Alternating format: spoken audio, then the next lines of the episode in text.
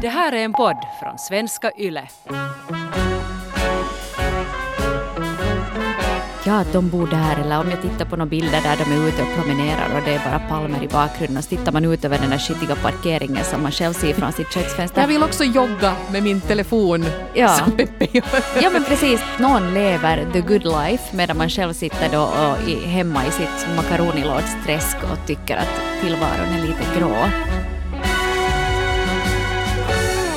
Relationspodden Norrena och Frans ska idag avhandla temat avundsjuka. Jag måste börja Eva med att fråga dig, hur pass avundsjuk är du och vad blir du avundsjuk på? Jag är nog lite avundsjuk hela tiden skulle jag säga. Men jag tycker att, att för mig så måste jag liksom skilja lite på olika sorters avundsjuka. För att en del former så tycker jag är ganska peppande och kanske till och med lite konstruktiva. Jag är till exempel jätteavundsjuk på människor som, som är tvåspråkiga som kan uttrycka sig lika bra på finska som på svenska. För att jag skulle så vilja, och jag kan nu behjälplig finska men jag får sitta jättelänge och traggla om jag ska skriva en text på finska. Så då blir jag lite avundsjuk. Men det är ju inte en sån här missunnsam avundsjuka utan kanske snarare något som sporrar mig med att jag måste läsa mera finska böcker, jag måste bli bättre på det här. Och då tycker jag inte att det är så farligt. Nej, för det är inte en sån där känsla som vet du fräter Nej. och att du känner att, att du lite som tycker illa om den personen. För Nej, att, inte för att hen talar finska. Nej. Så att eh, det är en form. Sen finns också en sån där eh, avundsjuka som man kanske inte är så stolt över men jag tror att det är jag är inte så mycket avundsjuk på materiella grejer nu för tiden. Inte på det sättet. Men det är kanske för att du bor i en mansion redan. så att folk är istället avundsjuka på dina materiella Men grejer. det finns alltid någon med en större mansion och så ja. här, och som kan fara på ännu dyrare resor. Nu kan ju ingen fara på några resor så det är ju skönt på det sättet. Men, men det som, som kanske är min standardgrej är att jag kan bli lite förbittrad av människor Usch, det här är pinsamt. Men alltså människor som är smala och sunda fast de äter vad som helst och jag vet att de nu inte anstränger sig speciellt mycket. Alltså de här som varje dag klockan 15 går till kafeterian och köper sig en Twix till eftermiddagskaffe. Ja. Och jag vet att skulle jag göra det där så jag skulle bli, jag skulle bli redigt överviktig och alla mina blodvärden skulle få åt skogen. Jag kan helt enkelt inte göra det där. Jag måste vara jätteförsiktig med vad jag äter för att annars far det iväg. Och då kan jag bli lite förbittrad för jag vill också ha en Twix till kaffe varje dag. Men jag, jag kan inte. Och sen också de som, som faktiskt inte jumpar mycket och ingenting men ändå är ganska god form.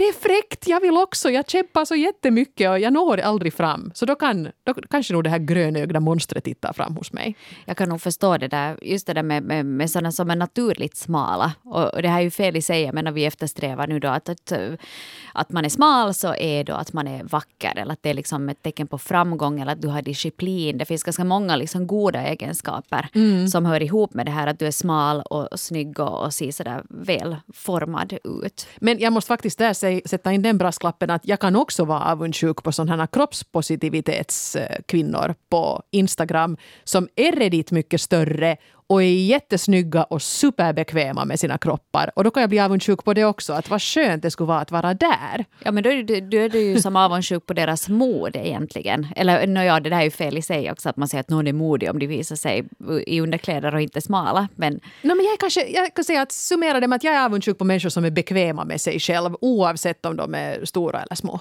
ja. Det är väl, det är väl där någonstans som jag borde arbeta på saken. Mm, men det handlar lite om, om kroppen kanske där då sen och, Kropp och hälsa. och finska. Ja, och finska. Det, det är ungefär där det är. Ja.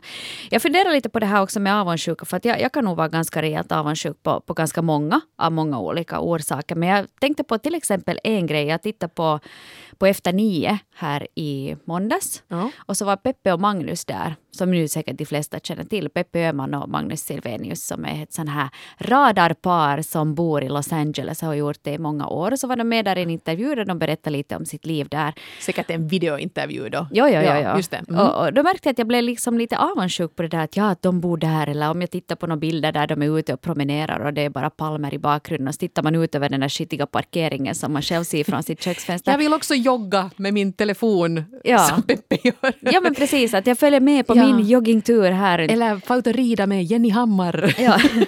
ja men sådant kan jag liksom bli avundsjuk på. Vet, att någon lever the good life medan man själv sitter då och i, hemma i sitt makaronilådsträsk och tycker att tillvaron är lite grå. Okej. Mm. Eller att folk liksom vågar åka iväg. Jag har också flera vänner till mig som bor utomlands. Och det, det här kan jag vara lite avundsjuk på. Folk som har hittat ett nytt liv utomlands.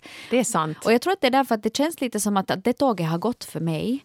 I och med att jag har två barn hemma så, så blir det inte sådär. Det är inte sådär bara att flytta utomlands med dem. Och sen vet jag ju att inte vill jag egentligen flytta utomlands. Jag har bott utomlands när jag var Mm, yngre. precis. Så att jag vet ju också det att, att jag tyckte det var underbart att komma hem till Finland. Att, att det är som att det är inte för mig, men ändå så kan jag bli lite avundsjuk på dem som, som gör det. Men är det där inte kanske nu en sån avundsjuka som du skulle kunna omvandla till någonting konstruktivt? Att om det här är någonting du längtar efter så kanske sätta upp en sån här målbild att sen när ungarna är utflugna och studerar någonstans, bor Ja. någon annanstans så kanske det här med att vara utomlands ett tag är någonting som du vill arbeta dig emot. Definitivt. Det kommer vara på första bästa plan till Italien eller du, Spanien eller något så här ställe. Om de är kvar alls. Man vet ju inte riktigt hur det, hur det blir nu med Om det har världen. sjunkit under, under ytan. Ja, men det, det kan jag vara lite avundsjuk på. Helt förståeligt. Ja, och sen kan jag också bli lite avundsjuk där folk lyckas på sådana här delområden där jag också skulle kunna lyckas Ja. om jag skulle anstränga mig lite mera.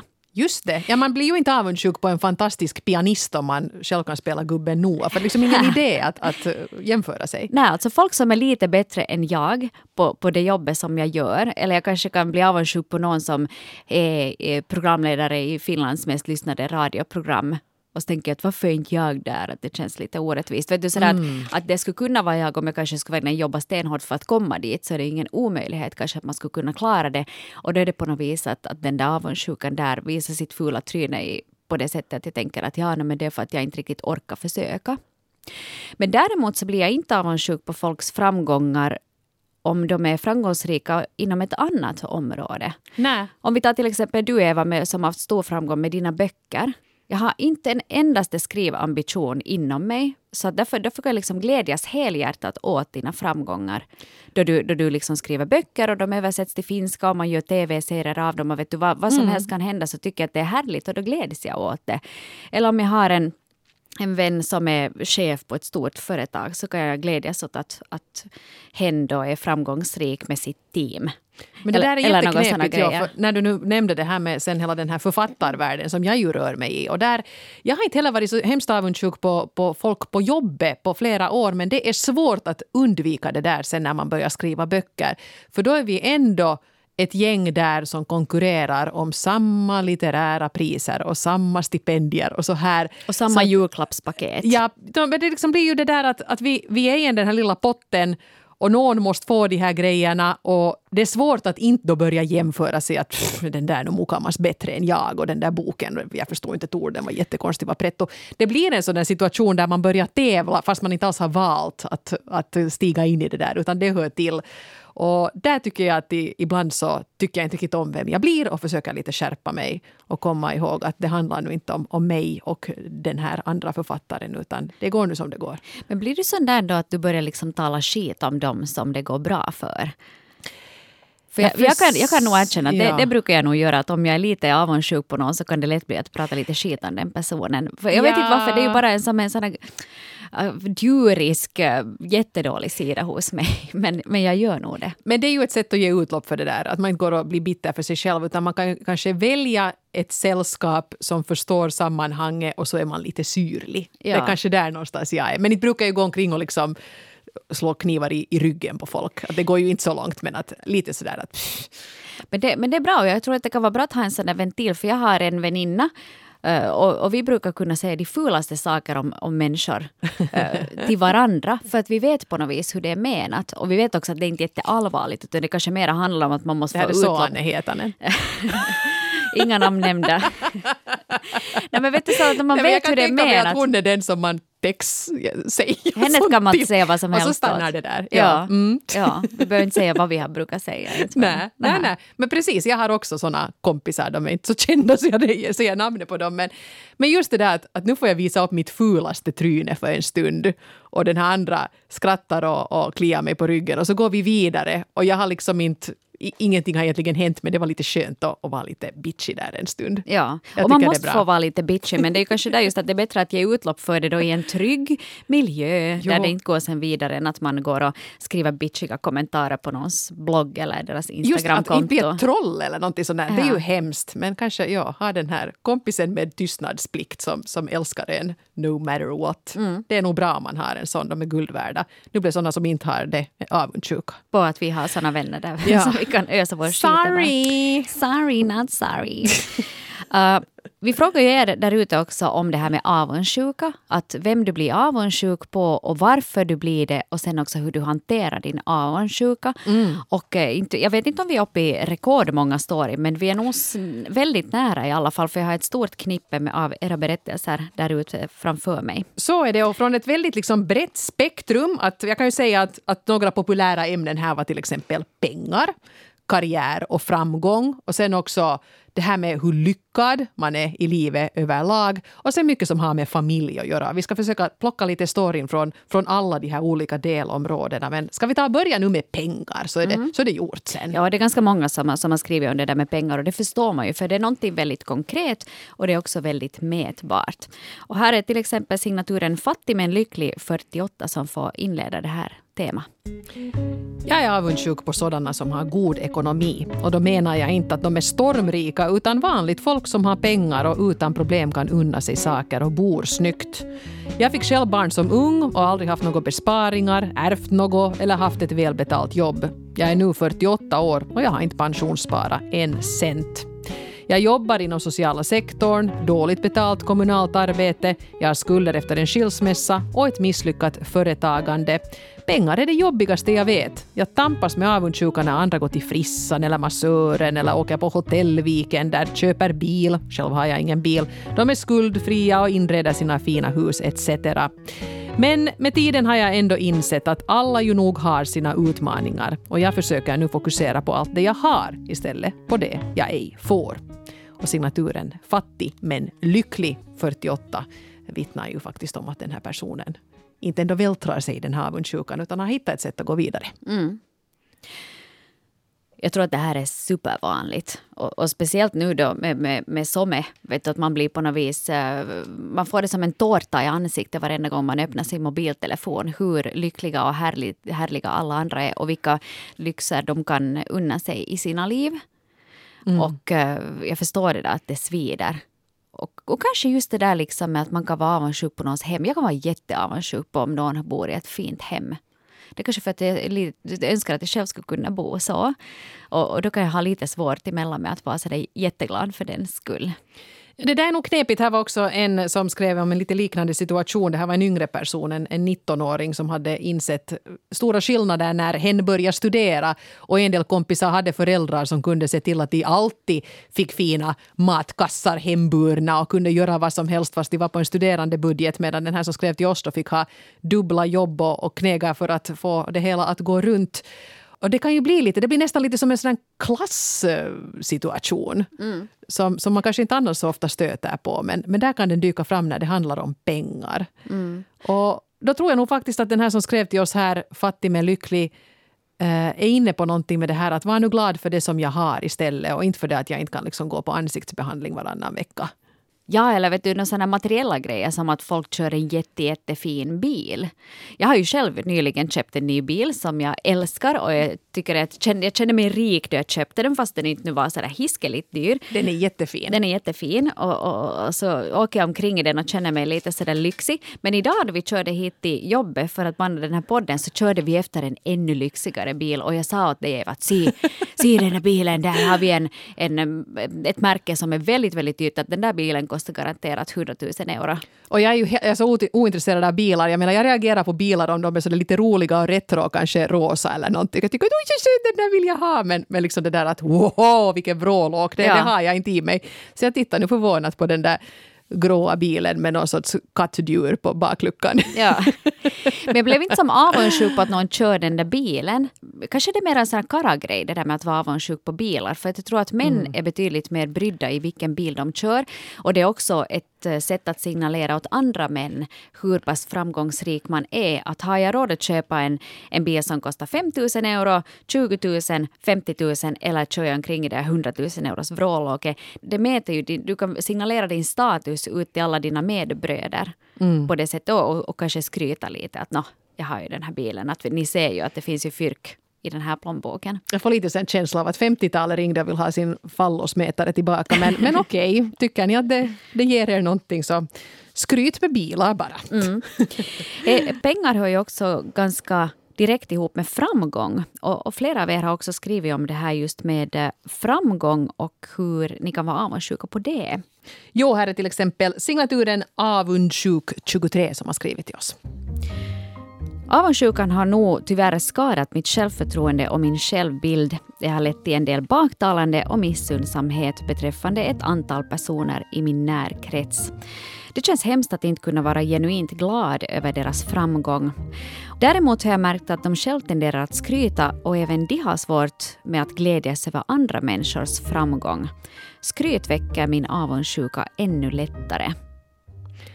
Precis. Det där eh, känner jag ju också lite igen. Och ska vi ta ett extremfall så kan man ju tänka på Patrick Bateman i American Psycho som började yxmörda folk för att hans kollegor hade snyggare visitkort. Om vi ska ta en sån det är kanske klassisk, lite extremt. Det är kanske lite att ta i. Men just det där svåra med det där att, att man inte skulle vilja vara missunnsam men ändå blir det lite grann. Och det här med skryt. Det är ju nog knepigt för ibland undrar jag ju själv att blev det skryt det här nu? Kommer någon att uppleva det som skryt det här jag till exempel lägger ut på Instagram nu? När jag kanske själv tycker att det här är en rolig situationsbild och jag hittar på en rolig text. Det är hemskt svårt för att någon tycker säkert alltid att man skryter.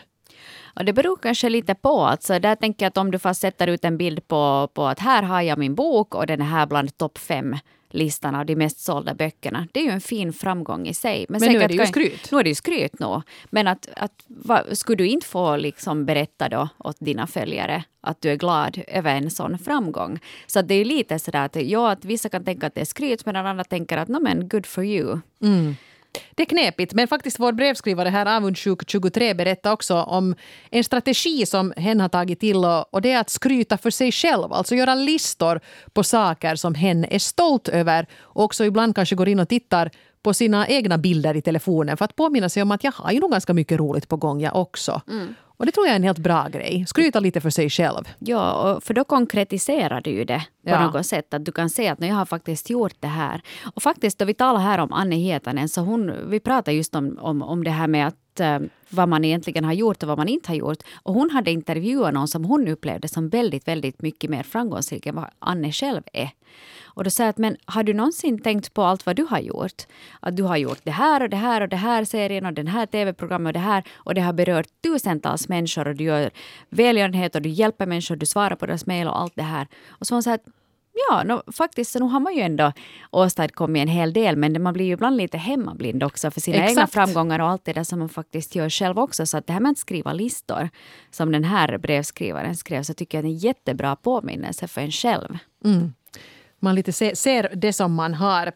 Eh, Evelina, 34, har skrivit ett jättebra eh, brev till oss här. Påminner och är lite inne på samma sak, alltså med det här med att, att är det någon idé sen att jämföra sig med andra? För när du är avundsjuk på en person så ser du ju kanske inte ändå hela bilden. Evelina skriver till exempel om du är avundsjuk på en person som har en fantastisk partner medan du inte har det borde du samtidigt se att den här personen kanske också har ett efterhängset ex och tampas med dåligt samvete för att han eller hon har dragit barnen genom en skilsmässa. Du kanske är avundsjuk på en person som har hög lön, men du måste förstå att det är oftast hårt arbete och andra uppoffringar, såsom tid med familj, flytt till annat land och sånt, som ligger bakom den här framgången.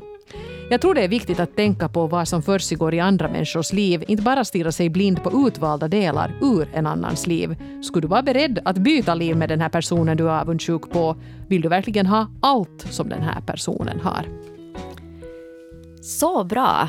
Jättesmart skrivet. Jag, jag blev genast lite gladare Och av lite Evelinas brev. jag vill också vara sådär smart. Ja, men det där är sant, för där har vi just liksom, eh, om vi tänker då Peppe Öhman som joggar vid strandbrynet i Malibu. Mm. Och så tittar du ut genom ditt eget köksfönster och så känner du dig avundsjuk. Men då kanske du kan tänka att "Nå, men jag har... eh, jag har- Esboviken, där- vi har inte jordbävningar. Vi har inte vi har inte jordbävning. jordbävningar. Vi har inte Och det brinner jordbävningar. inte i bergen. Nej, och man har kanske mommo lite närmare. Exakt. Ja. Ja. Och, och sådana grejer. Man behöver inte tampas med det amerikanska sjukvårdssystemet. ja, just det. Vi har Se inte på- lika mycket på bilden. corona. Eller vet du sådär att man, att man eh, kanske tänker på att, att man kanske, kanske man kan känna sig ensam om man bor någonstans långt bort i ett annat land. Och sen här saker. Så jättebra poäng det där av Evelina att försöka bredda den där bilden Mm. från det du är avundsjuk på. Den är kanske den här ena Instagram-bilden eller en uppdatering någonstans och så märker du att vad, vad månne har legat bakom det här. Och är du, skulle du själv vara beredd att göra samma uppoffringar? Mm. Jag som är lat av naturen så skulle jag säga att nej, det skulle jag inte. jag är nöjd där i, i, vid min skitiga parkering. Nej, men faktiskt det där är en bra påminnelse som man, man kanske ska försöka hålla fast vid då när man märker att nu far det iväg och nu sitter jag här och gnisslar och är lite missundsam och ogin. Eh, nu ska vi bege oss till arbetsplatsen. Där var vi ju lite grann redan. Men här är signaturen Igelkotten 28 som har skrivit till oss.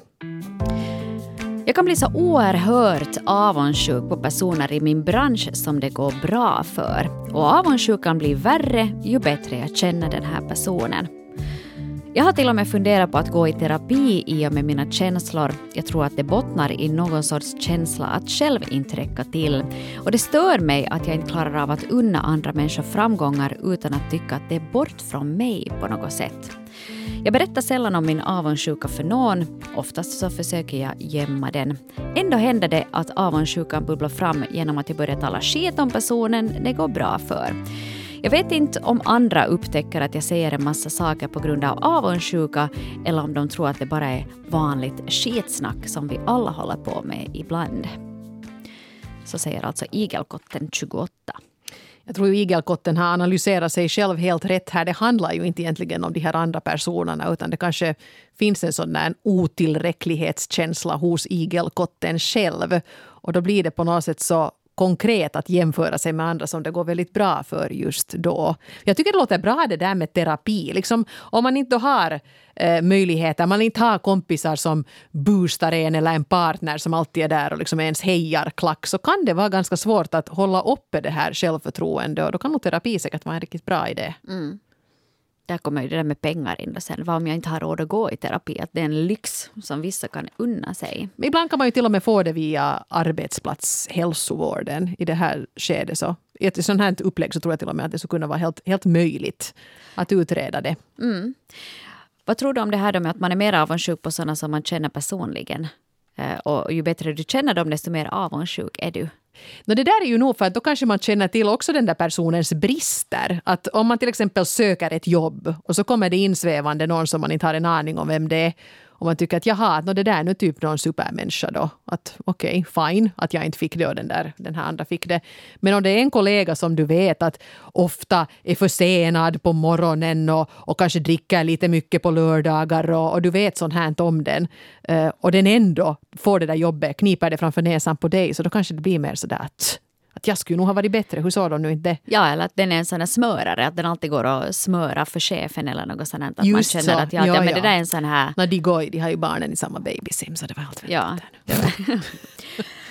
um, ja, här har vi faktiskt också en annan brevskrivare som har skrivit om det här med avundsjuka på arbetsplatsen men att det faktiskt är då den egna partnern som man har blivit avundsjuk på. Ganska kvistig situation alltså. Så här skriver 25-årig Vasabo. Jag är avundsjuk på min fästman för han har hittat sitt drömjobb i vår drömstad. Det är väl Vasa då.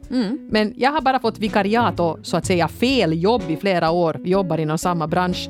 Den här avundsjukan riktar sig mot både mig själv och honom. Dels är det svårt om han har haft det tufft på jobbet.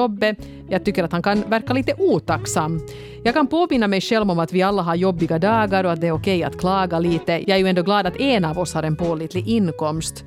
Å andra sidan så kan jag inte hjälpa att fundera om det är mig det är fel på. Om han fick ett jobb så där lätt borde jag väl också kunna få det. Avundsjukan väcker en stor osäkerhet inom mig, en rädsla att jag inte duger. Men det bästa sättet för mig att bekämpa det här är logiskt tänkande och acceptans. Så säger alltså den 25-åriga Vasabon. Först måste jag ju poängtera det där med att det är nu Vasa drömstaden då. Vasa är ju nog en, en drömstad på många sätt. Mm. Det kan jag vara helt med i. Jag För kan, vara, somliga. jag kan till och med vara lite avundsjuk på de som bor i Vasa ibland. Så där har vi det. Det är Los Men- Angeles och det är Vasa. Ja, det är mina drömstäder. Ja, men det är ju väldigt svårt det här med att du älskar någon, din fästman. Och känner honom 100 procent. Mm, du vill nästan. honom väl, du vill att han ska vara lycklig och glad och känna sig tillfredsställd på jobbet. Men samtidigt så skulle du själv ha velat ha ett liknande jobb. Så det där är nog väldigt svårt för man tampas med så jätteolika känslor. Mm. Samtidigt, det som jag nu, nu, eftersom jag är så gammal och klok och har varit gift så länge. Nåja, men i alla fall en sak som jag lite har noterat, nu är ju jag och Jonas inte alls i samma bransch, men vi har ganska mycket under vårt liv haft sådana perioder att den ena har haft flow och den andra hade liksom gått riktigt trögt för. Uh, sådär. Ena kan ha haft fast jobb eller fått jättefin löneförhöjning och den andra liksom är snuttjobbare. Och jag har märkt att det där jämnar ut sig med tiden. Och är man ihop länge så blir det ganska sådär att nåja, att nu kan jag liksom, nu, är jag nu med på det här tåget medan han tuffar framåt jättebra och jag inte riktigt kommer någon vart. För det kommer sen mitt i allt att slå om. Och sen mitt i allt så, så ger jag ut en bok och jag får royalties och mitt i allt är det jag som kan säga att hej, ska vi få på semester? Att jag har ju faktiskt lite extra pengar men han säger att ja, okej, jo tack. Så att det brukar jämna ut sig så småningom. Att hålla fast vid det där att, att man ändå är där för att heja på varandra. Samtidigt som jag tycker att man kanske måste få tillåta sig, det är ju nog hemskt mänskligt att bli lite avundsjuk till och med på, på sin egen partner för att man känner sig otillräcklig. Och, och kanske man kan säga det bara rakt ut åt den personen. Vet du, att det känns lite skit för mig. Att du vet ju det, vi, vi skulle båda vilja ha ett drömjobb i just den här samma branschen. Att vi är lite konkurrenter samtidigt som jag vill att det ska gå bra för dig. Men att jag är faktiskt lite avundsjuk. Mm. Ja, Och där kan det vara ganska förlösande det där med att man, att man bara säger det rakt ut. kanske kunna prata om det också. Ja. Sådär. Nu när vi har Anne Hietanen här som tema för den här sändningen ska jag berätta. Hon sa en gång till mig Anne, faktiskt. hon har ingen aning om att hon blev hon, Anne är den här veckans Dr. Phil. Ja, ja. Eh, Vi jobbar tillsammans. Vi har känt henne i 15 år. Fundera länge, vad ska jag säga så att det inte blir genant? Ja, jag har känt henne i 15 år och vi har jobbat tillsammans. Emellan har vi jobbat på olika ställen. Och i något skede så upplevde hon att hon var avundsjuk på mig på grund av någonting som jag hade som hon inte hade. Och då sa hon det.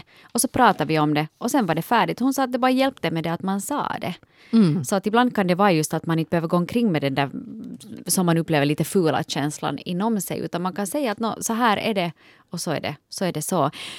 Det som jag ännu vill säga om den här brevskrivaren, den här 25-åriga Vasabon, är det att du är bara 25 år. Få människor har sitt drömjobb vid 25 års ålder. Mycket det, riktigt. Det kanske dyker upp vid 30 eller 35 eller kanske till och med vid 50 års ålder. Att det vet man inte. Så att, att kanske där att vara glad för att du har någon typ av jobb och, och peppa din partner att han klarar det. Kanske han kan hjälpa dig in i den branschen ännu i något skede. Och det dyker säkert upp någonting i något skede. För som sagt, du är bara 25 år, du har framtiden framför dig. Och min erfarenhet av, av karriär och sånt är att ofta är det som att det skulle finnas en masterplan som man inte själv känner till. Att när jag någon gång har varit jättebesviken på att jag inte har kommit in på någon utbildning eller inte har fått ett jobb som jag hade sökt så lediganslås sen ett jobb som jag inser att men jag vill ju mycket hellre ha det här. Att vilken tur att jag inte liksom nu hamnar där på det där andra stället för att det är ju det här som, jag skulle, som är mitt riktiga drömjobb. Så att håll ut nu, nu bara. Det kommer säkert att, att ordna sig. Mm. Hej, vi ska ta och byta ämne lite och, och ännu hinna prata lite om det här med familj eller kanske till och med bristen på familj. Vi har signaturen Barnlös 42 som också har skrivit till oss. Utåt sett har jag accepterat att jag kommer att förbli barnlös. Jag är inte heller ensam utan har en underbar sambo och han säger att vi har ju varandra fast vi inte har barn.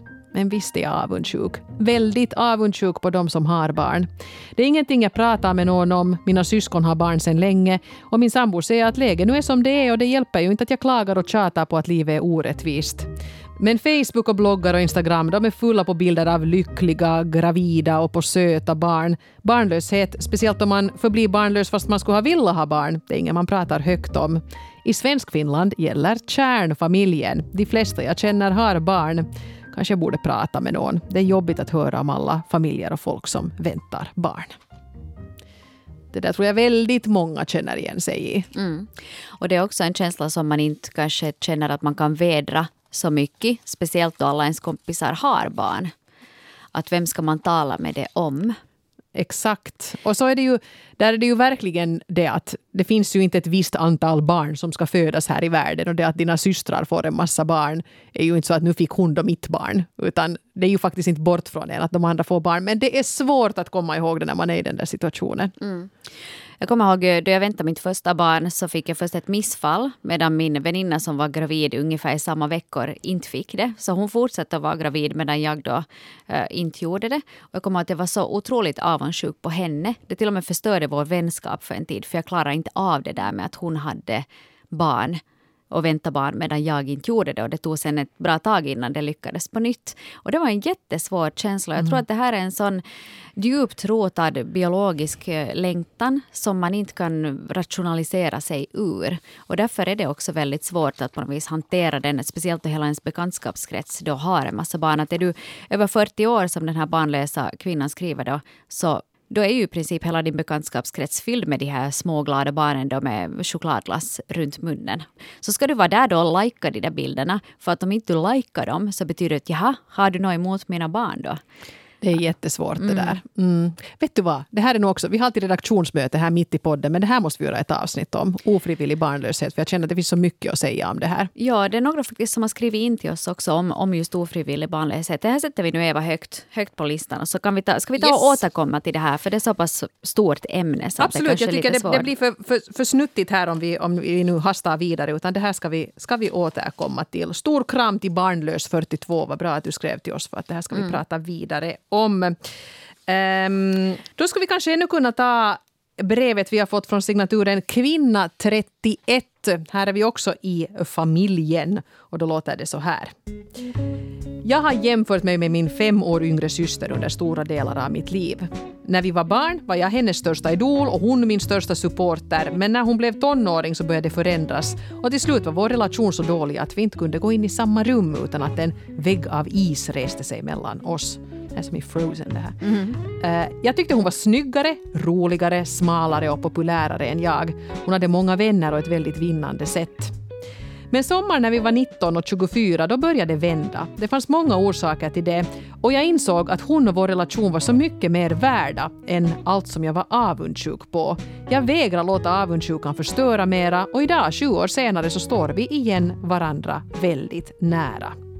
Jag blir ju inte sämre av att hon är så härlig som hon är och idag kan jag för det allra, allra mesta vara uppriktigt glad när det går bra för henne. Skriver kvinna 31. Mm. Avundsjuka i familjen.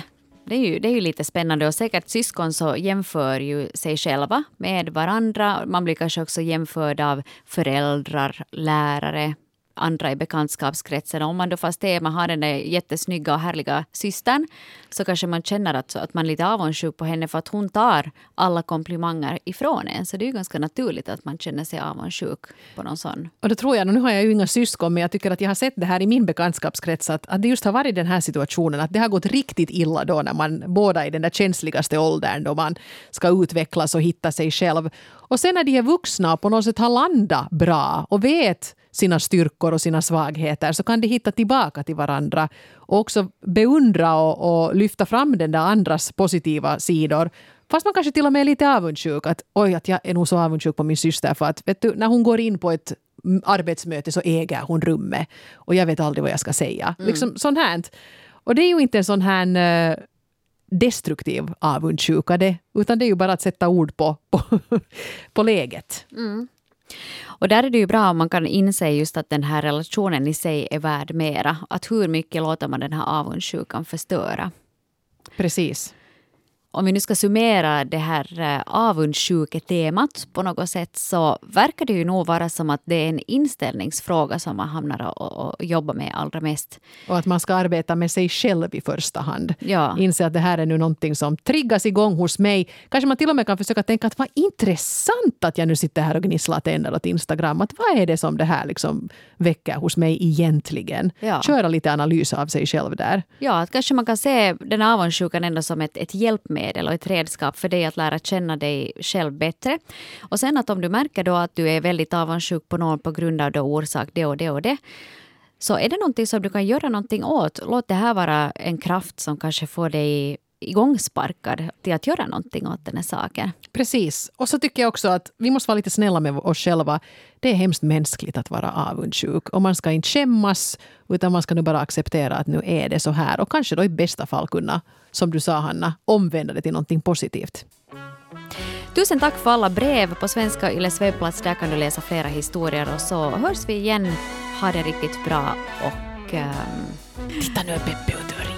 Ja. Nu, ska, nu ska jag gå in på Peppes uh, Instagram och likea alla hennes bilder. allt. Ja. Ja minä puhun nyt suomea.